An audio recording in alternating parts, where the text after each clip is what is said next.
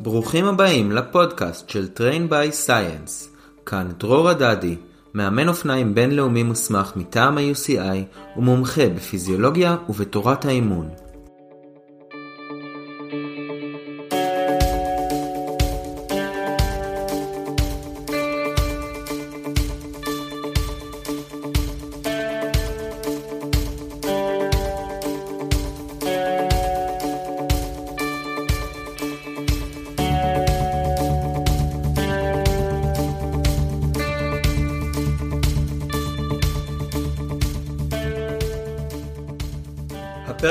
היום יעסוק בנושא של בניית תוכניות אימונים.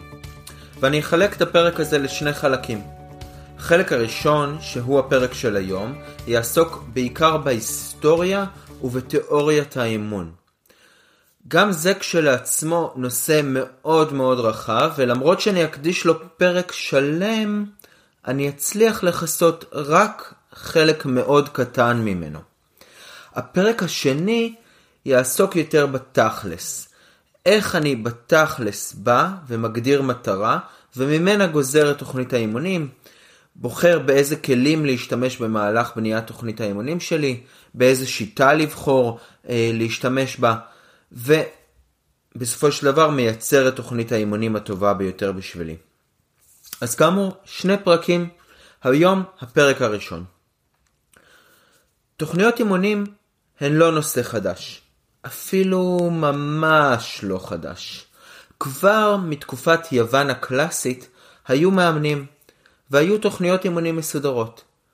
היוונים התאמנו בזמנו בגימנזיום, והיו להם מאמנים מסודרים שהתמקצעו בנושא הזה בדיוק. כמו שהיום יש לנו מאמנים שמתמקצעים בנושאים השונים של הספורט, ככה גם היה להם באותה תקופה.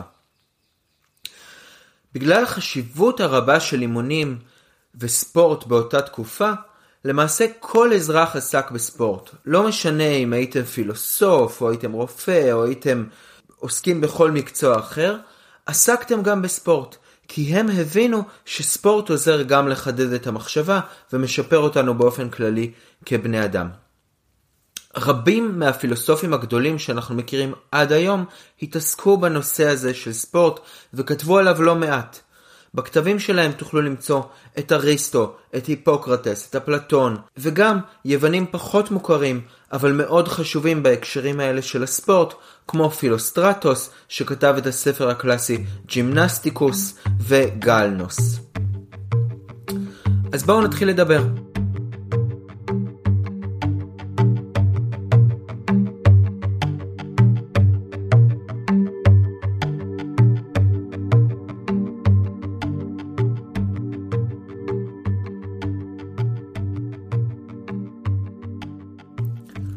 אז אני אגלה לכם סוד קטן, והסוד הזה הוא שאני מאוד מאוד מאוד אוהב היסטוריה.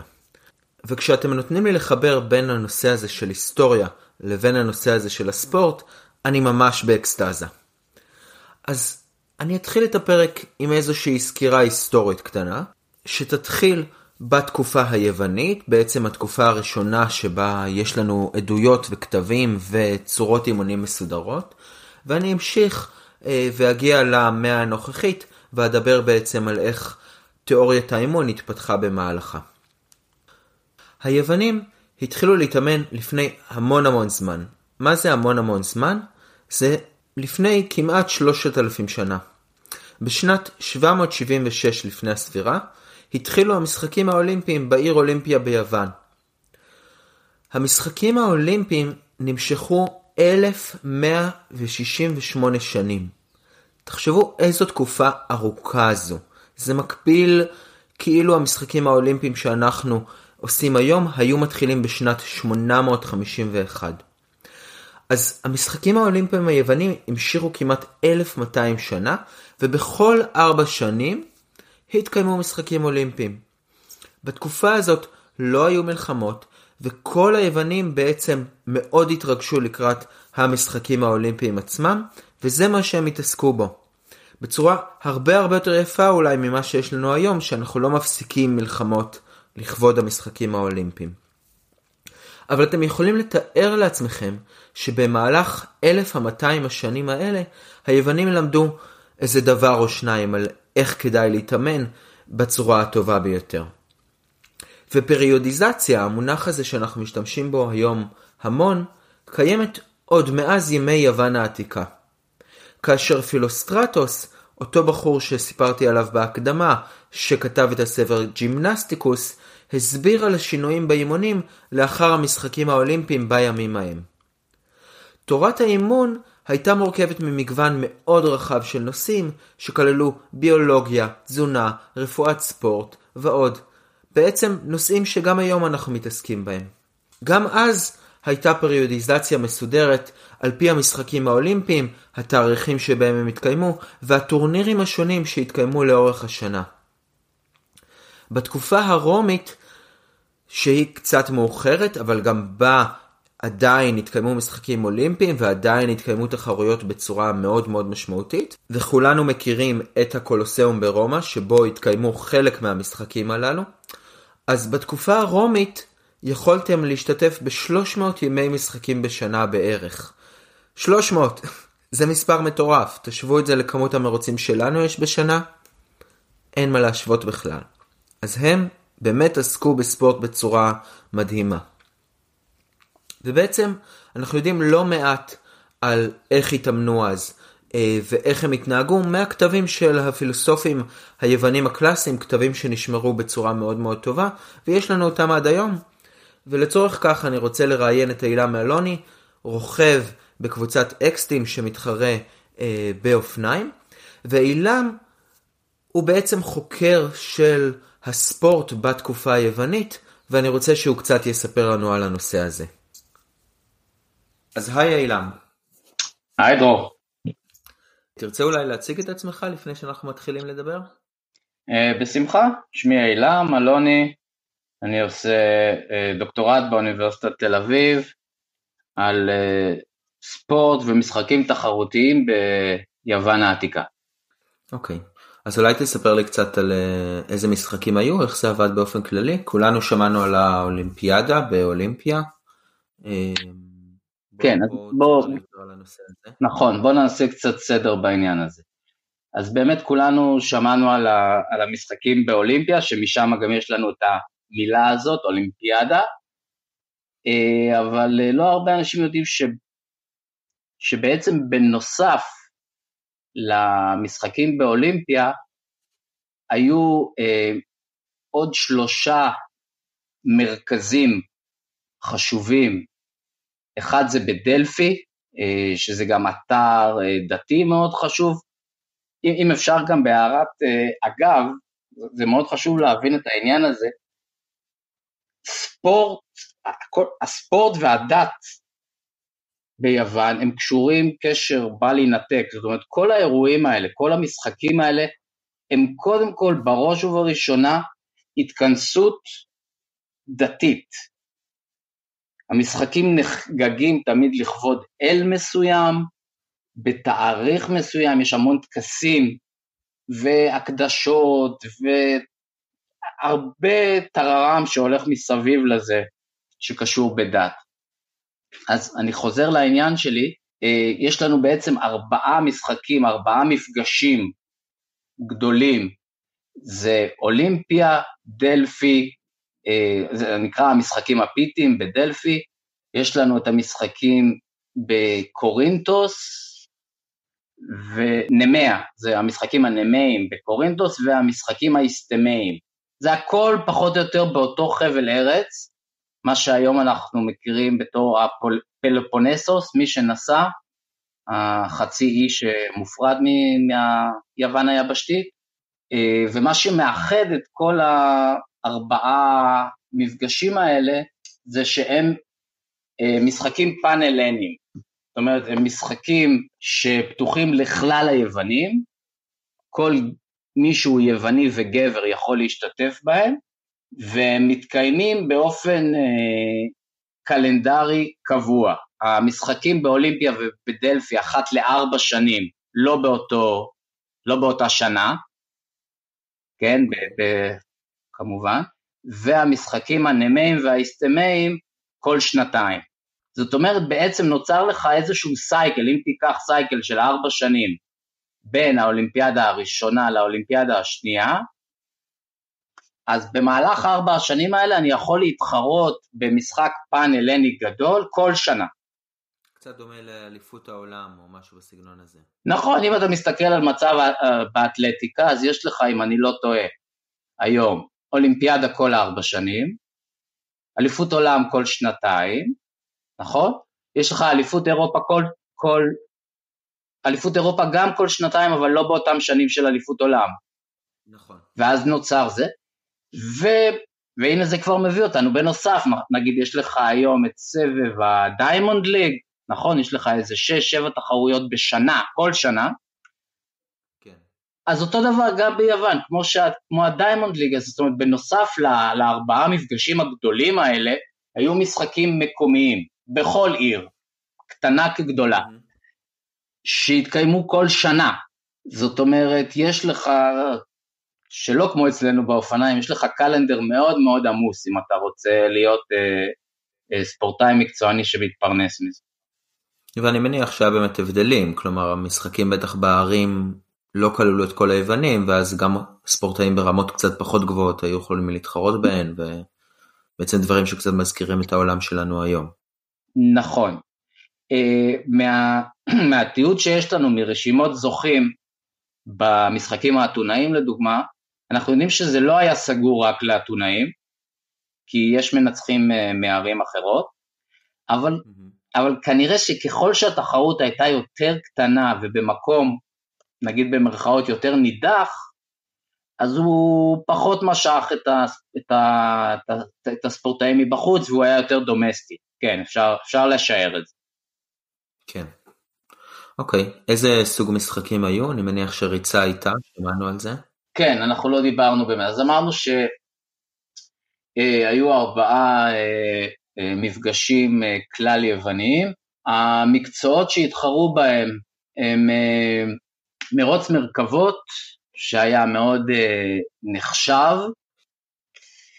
חוץ מזה יש לנו את המקצועות הכבדים, מקצועות ההיאבקות, אגרוף, יש שני סוגים של היאבקות, אבל לא, לא חשוב להיכנס לזה כרגע.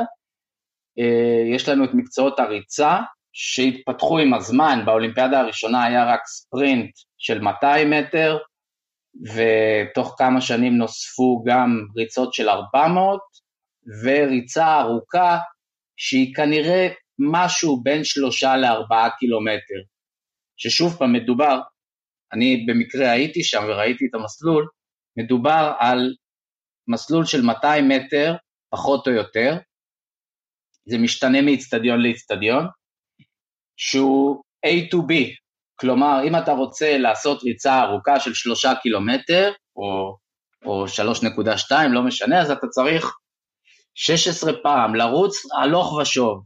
היה איזה, הייתה איזה עמוד כזה שהיו עושים הקפה סביבו. כמה צבאי. כן, מאוד צבאי. זהו, חוץ מזה יש לנו גם את, ה, את, את הפנטטלון, את קרב חמש, שהיו שם קפיצה לרוחק, הטלת דיסקוס, זריק, אה, זריקת דיסקוס, הטלת כידון ועוד אה, מקצועות ריצה. מה באשר לפרסים? היה פודיום? היה, לא, לא היה פודיום, אה, יש, אה, אין, מקום, אין מקום שני ושלישי ביוון בכלל, אה, יש מנצח אחד, אה, שבמשחקים במשחקים האולימפיים, מה שאמרנו, המשחקים הגדולים, הוא זוכה באיזשהו פרס סימבולי בצורת זר כלשהו, אבל okay. אוקיי. מה שחשוב זה שלא הייתה, לא היה שום תגמול כספי, בניגוד למשחקים הדומסטיים ששם היו פרסים אה, יקרי ערך, מאוד. אוקיי, okay, מעניין, ובעצם, אז למה אנשים התחרו בכלל במשחקים האולימפיים או במשח... בארבעה הגדולים? אה, תראה, מבחינת המוניטין, אלה נחשבו למשחקים החשובים ביותר. זאת אומרת, אה, זכית באמת לאזכור, קודם כל בדפי ההיסטוריה, דיברתי קודם על, על, ה, על הפילוסופים, על, על אפלטון ואריסטו, אריסטו נהג אה, לעשות אה, רשימות מנצחים, אה, משוררים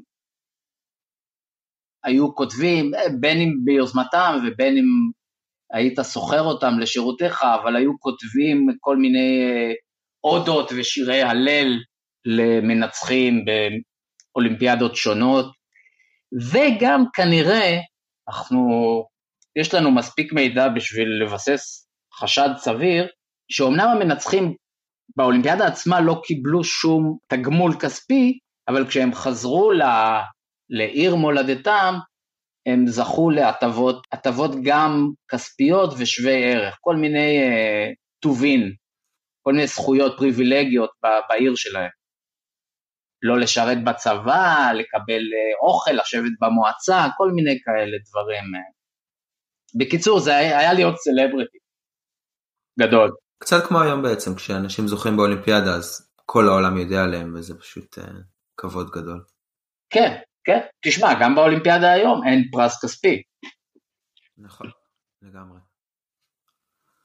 טוב, אז בוא נעבור בעצם לנושא שהתכנסנו פה בשבילו. קדימה. בוא תספר לי קצת על איך עבדו אימונים ביוון העתיקה, אם הייתה פריודיזציה של אימונים, קצת הדברים שבעצם אנחנו מכירים היום, איך הם עבדו באותה תקופה ממה שאתה יודע. טוב, לצערי, הרבה אנחנו לא יודעים. אין לנו איזה מישהו ש... תיעד אה, תוכנית אימונים אה, מסודרת כזו או אחרת. אבל יש לנו קצת מידע שאנחנו יכולים לפיו להניח הנחות ולשער השערות. אחד הרמזים הכי חשובים מגיע אה, ממקור די מאוחר יחסית, מהמאה הראשונה לספירה, ממישהו בשם פאוזניאס שכתב ספר The Description of Greece. הוא ביקר באולימפיה כמה פעמים וממש תיעד, תיעד את המקום, הביא המון סיפורים מהעבר לגבי כל מיני אנקדוטות, פרשיות של מנצחים, רמאויות, אה, המון, המון סיפורים שהוא שמע וחקר, אולי את חלקם המציא, אנחנו לא יודעים. אבל הוא כן מדבר, וזה כנראה נכון, כי יש לנו עוד כמה מקורות שמזכירים את זה, על שבועה, שכל המשתתפים באולימפיה היו חייבים להישבע בה, ואחד הסעיפים בשבועה, היא שבועה די ארוכה, אבל אחד הסעיפים בה הוא שהם מתחייבים על כך שהם יתאמנו לפחות עשרה חודשים לפני האולימפיאדה, שבאולימפיה אה, וגם בדלפי היא התקיימה באזור חודש אוגוסט, יולי-אוגוסט. עשרה חודשים זה תקופה שאנחנו די מכירים מהעולם שלנו בעצם. זה בדיוק מקביל ל... לעונת האופניים בישראל בטוח, זאת אומרת כולנו פחות או יותר מתחילים את, ה... את הקדם עונה באזור אוקטובר, ואנחנו מגיעים לשיאנו בסוף יוני באליפות ישראל, שזה פחות או יותר הזמן שספורטאי יווני היה צריך להגיע לשיאו, חשוב לציין שהתחרות באולימפיה מתקיימת ביולי-אוגוסט והמשתתפים כולם חייבים להגיע לאולימפיה ולשהות שם ביחד עם המאמנים שלהם חודש. לפני. במהלך החודש הזה בעצם השופטים, המארגנים, בוחנים שהם באמת, אה, שהם נמצאים בכושר המתאים ושהם ראויים להשתתף. זאת אומרת, הם צריכים להיות בפיק שלהם כבר בסוף יוני בערך. כן, כלומר הם צריכים לשמור פה על פיק די ארוך של אה, מסוף יוני עד המשחקים עצמם, שזה כמה שבועות אחר כך. נכון. מורכב מבחינה אימונית. אה, אני מניח שהם לא מגיעים למחנה הזה בדיוק בפיק, אבל הם מגיעים בכושר סביר כדי לא להיראות פדלאות לפחות, כדי שהם לא יחתכו אותם. טוב, וגם חודש לפני הם כבר צריכים להיות קרובים מאוד לשיא. נכון. אה, לגמרי צריכים להציג תוצאות מאוד מרשימות בשלב הזה. אוקיי, אז היה בעצם את האירוע הגדול הזה פעם בשנה בדלפי או באולימפיה או מה שזה לא, לא יהיה, מה, מה קורה במשך שאר השנה, איך בעצם בונים את הפריודיזציה שלהם בשאר התקופות? בעצם חשוב, חשוב להבין שאנחנו מדברים כאן על תקופה של uh, למעלה מאלף שנה, ובמהלך הזמן הזה, זאת אומרת בהתחלה אנחנו מתחילים רק עם תחרות אחת באולימפיה, ואחר כך נוספו באמת השלוש האחרות האלה, המפגשים הכלל יוונים שסיפרתי עליהם, ואחר כך מתחילים לצוץ משחקים בערים גדולות כמו אתונה וספרטה אה, וכן הלאה, וכשאנחנו כבר נגיד בתקופת, בתקופה הרומית, במאה השנייה, במאה השלישית לספירה, כן, אלף שנה אחרי האולימפיאדה הראשונה, mm-hmm. אנחנו מגיעים למצב שבעצם יש משהו כמו בהערכה לא גסה, בהערכה די, די, די מדויקת, יש משהו כמו 300 ימי תחרות אפשריים בשנה בכל רחבי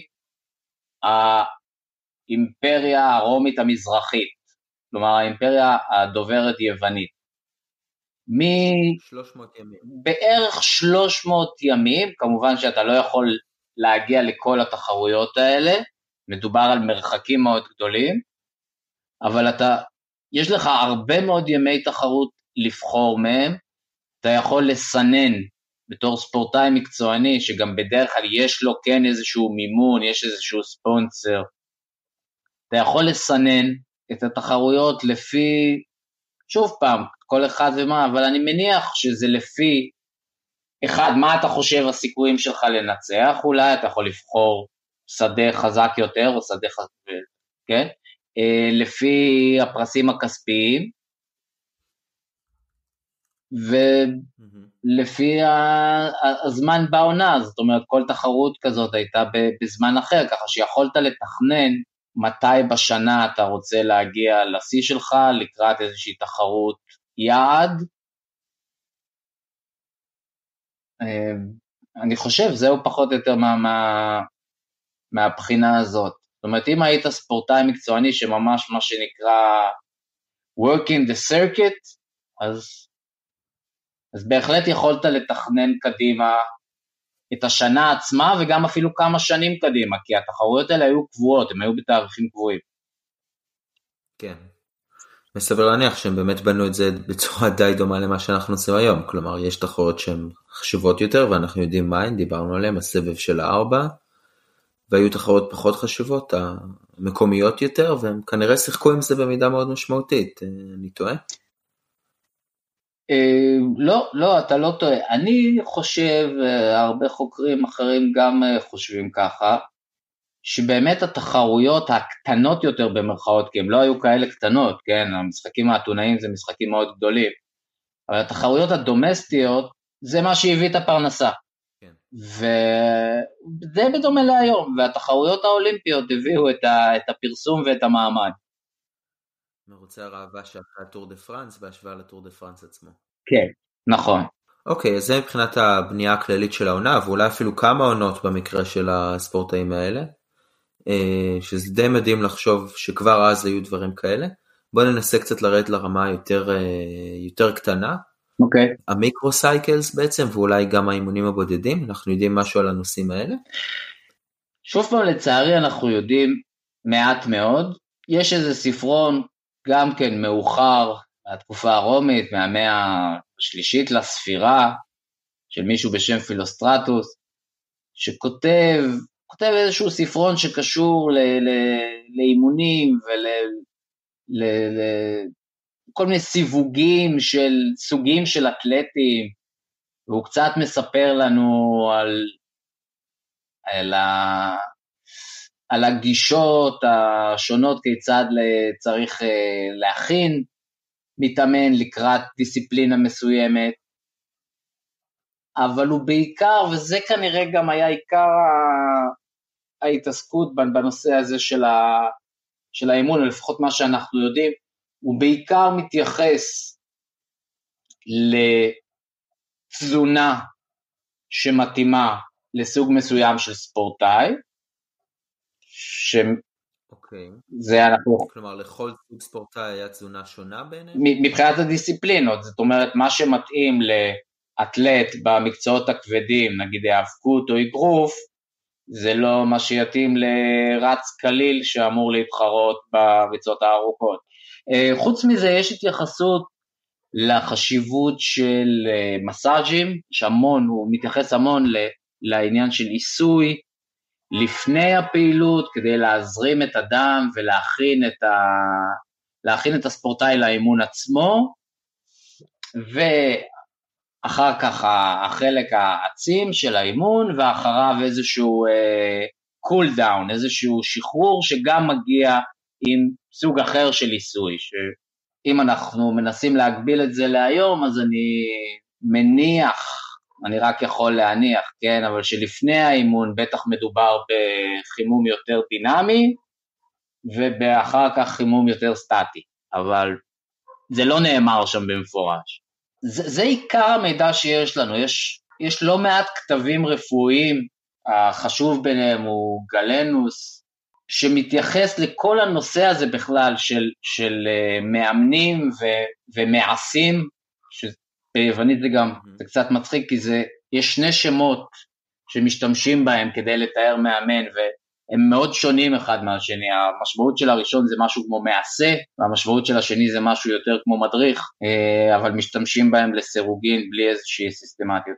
אז הוא מתייחס לנושא הזה וגם הוא מדבר באמת על כך שהם לא, לא ממש רופאים, הם יותר עושים ניסויים, אבל אין, אין לנו הרבה מידע על... אה, אבל כן על... ברור לנו שהיה בעצם תפקידנים שעוטפים אה, ספורטאים, כלומר שהיו מה שנקרא היום משהו יותר דומה לסואנירים שיש לנו היום, אה, ומאמנים ממש שהם עסקו בעצם כנראה בכתיבה של תוכניות האימונים ובשיפור היכולות הטכניות שלהם וכל מיני דברים בסגנון הזה. אה, זה קשה לדעת, יכול להיות שמדובר באמת בשני תפקידים שונים, יכול להיות שזה אדם שעשה את שני הדברים האלה, כלומר גם דאג ל... אה, גם דאג לעיסויים האלה ולתזונה וגם פיקח. אני לא חושב ש... תוכניות אימונים בתחושה שלי אני לא חושב שהם כתבו, אבל אני חושב שכן היה, היה, היה איזה, הייתה סיסטמה. אה, ללא ספק הייתה סיסטמה, כי, כי הצטבר אצלהם המון ידע. מאמנים היו על פי רוב ספורטאים לשעבר, אתלטים לשעבר, אז כמו, כמו שנהוג היום. אז הם הביאו את הניסיון שלהם, ומה עבד להם ומה לא עבד להם, ואני מניח שהיו להם שיטות, אנחנו לא, שוב פעם, לא יודעים הרבה על זה.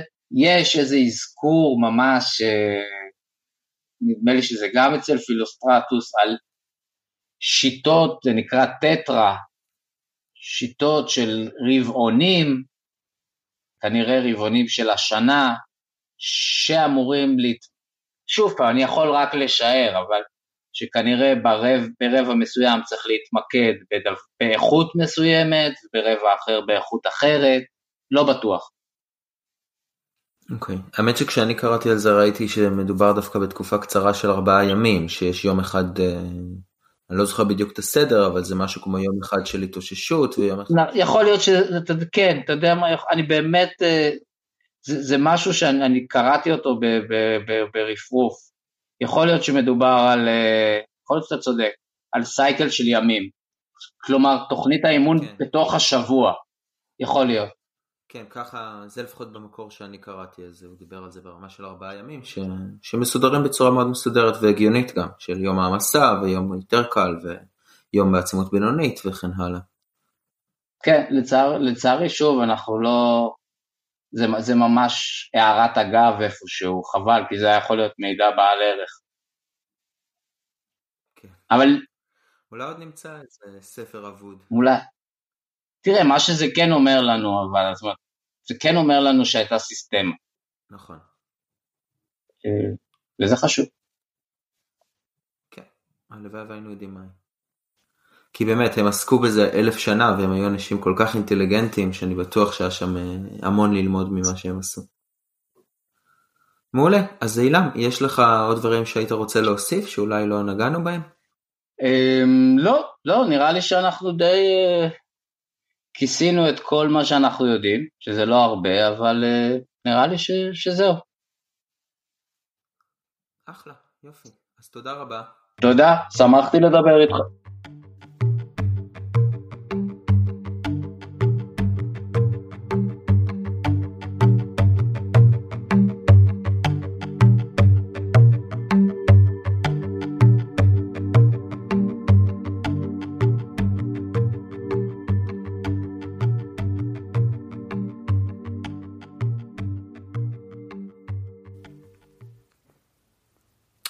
אז תודה רבה הילה.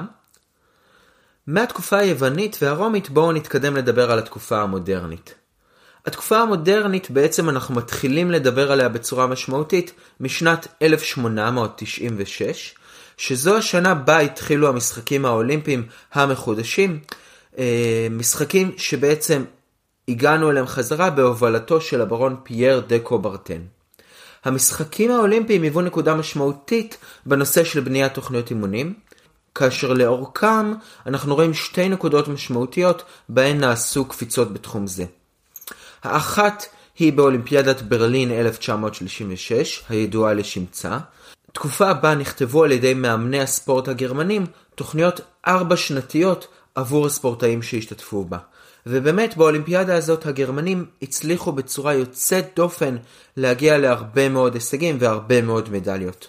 אז זו נקודת הקפיצה הראשונה שבה אנחנו רואים כתיבה מסודרת של תוכניות אימונים כיאה לגרמנים.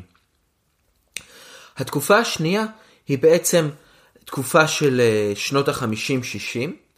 בתקופה זו בעצם חוקר מברית המועצות בשם לאו מטבייב לקח את המשחקים של 1952 ו-1956 וחקר את צורת האימון של ספורטאים מברית המועצות בתקופה זו.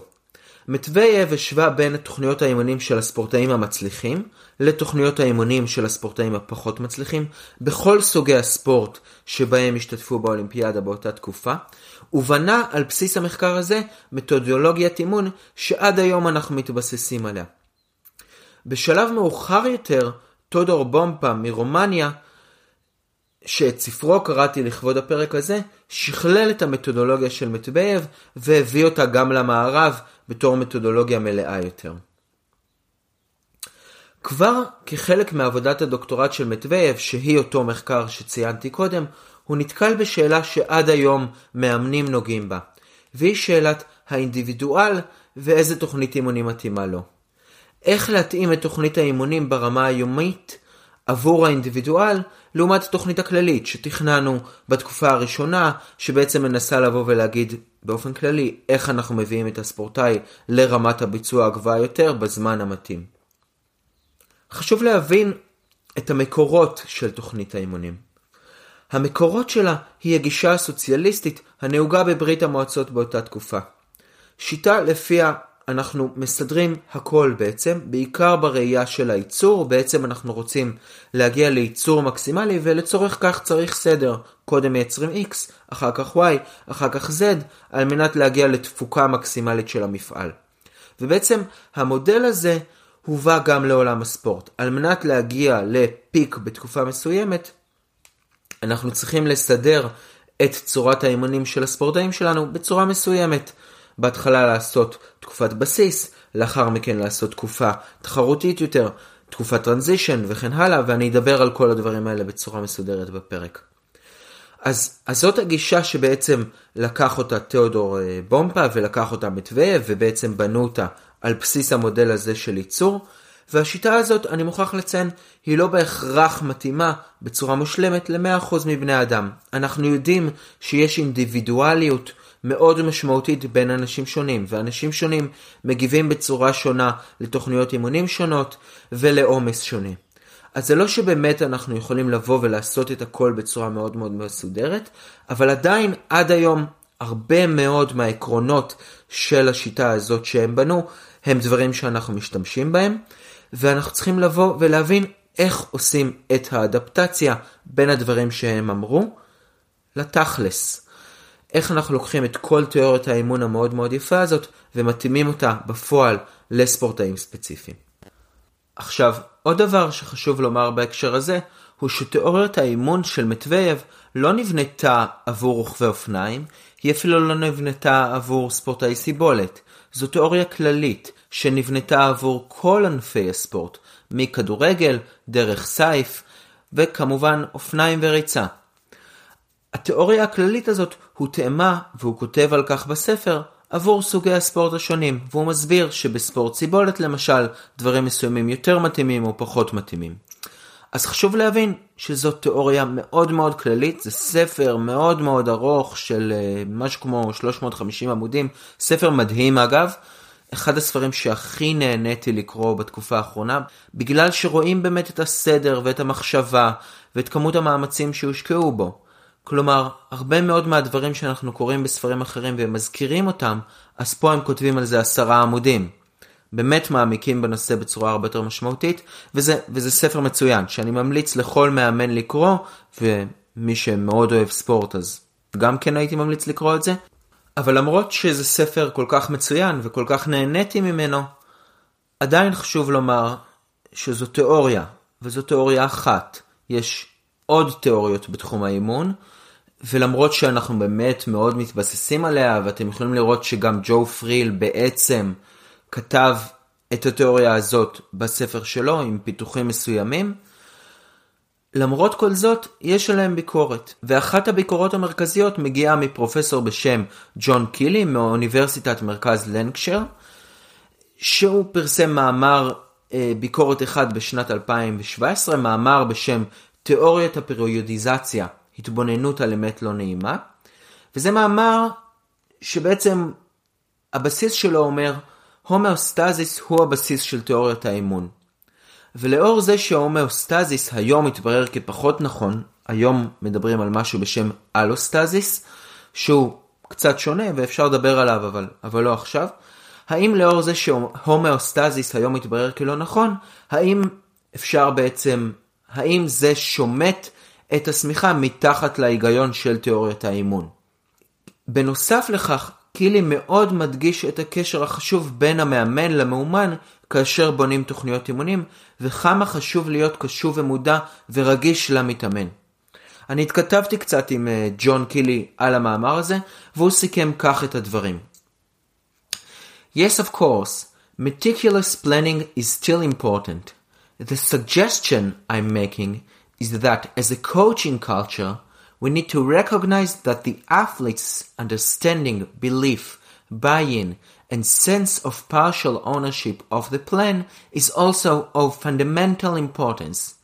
And it sounds like you feel this way too.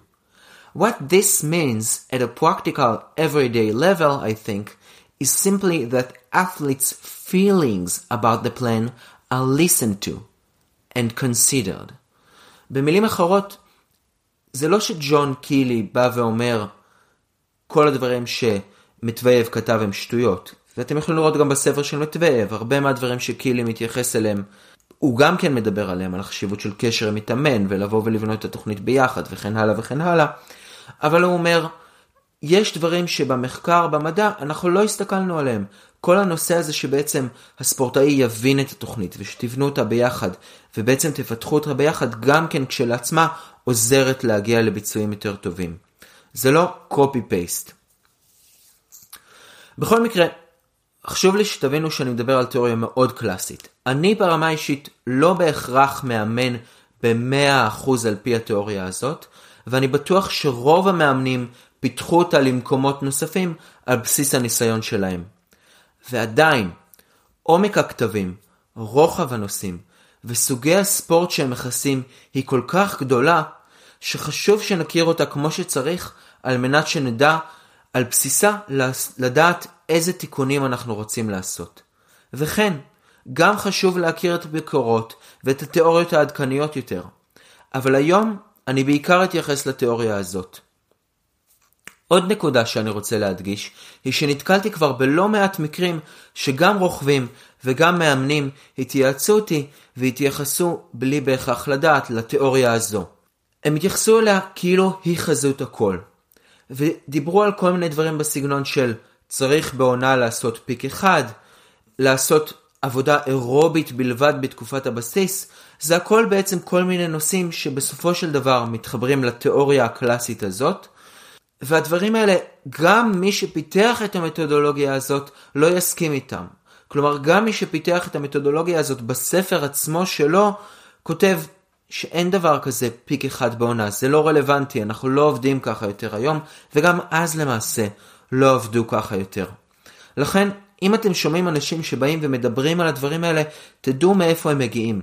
היום בתיאוריית האימון, וגם אז בתיאוריית האימון, אבל משום מה הדבר הזה של פיק אחד בעונה נדבק מאוד חזק, בגלל שזה מה שהתאים למשחקים אולימפיים, אם הם מדברים על זה ומתייחסים על זה כאל ראה וקדש, תפנו אותם לפודקאסט הזה.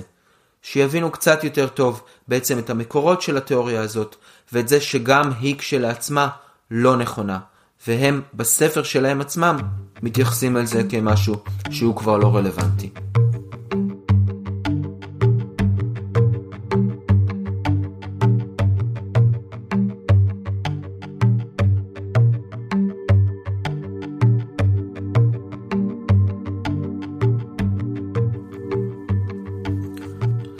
בואו נסכם את הפרק.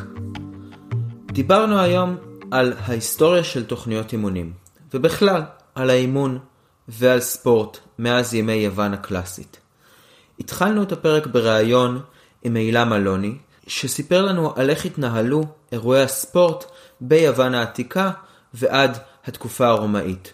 הוא הסביר לנו גם על הפריודיזציה שהייתה שם, וגם על המאמנים ומסאז'ים וכל מיני דברים בנושאים האלה.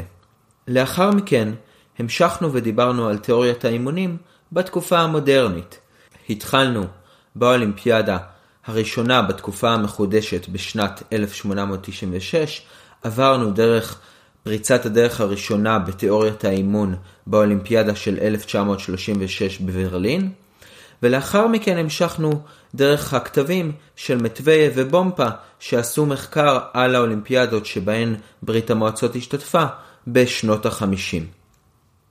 המחקר הזה עדיין משמש אותנו היום כבסיס של כמעט כל תיאוריות האימון, והכל היום זה בעצם שכלולים שנעשו על בסיס התיאוריה הזאת.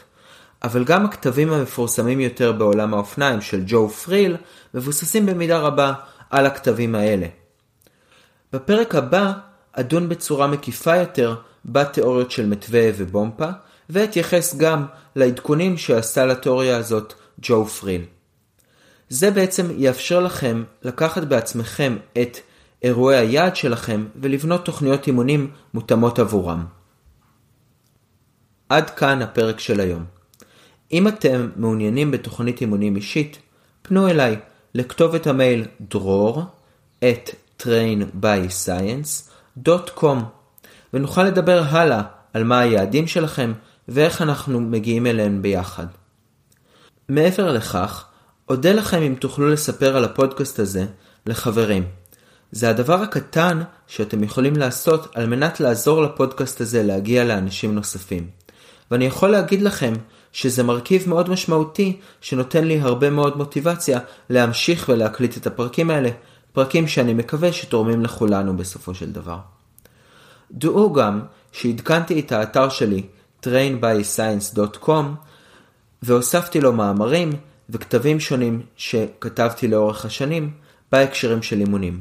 ואם אתם לא מכירים אותם, אתם מוזמנים להיכנס לאתר trainbyscience.com ולקרוא בשנית. הוספתי גם את הפודקאסט מעבר לסטיצ'ר ולאייטיונס גם לספוטיפיי, כך שכעת אתם יכולים לשמוע אותו גם שם. חשוב לומר גם שאם אתם מעוניינים לדון בפרק של היום, או בכלל בנושאים הקשורים בספורט, ובעיקר בספורט סיבולת, אתם מוזמנים להיכנס לקהילת הספורט והסיבולת של Train by Science בפייסבוק. פשוט חפשו Train by Science ואני בטוח שתגיעו לקהילה. זהו, שיהיה לכם יום מעולה.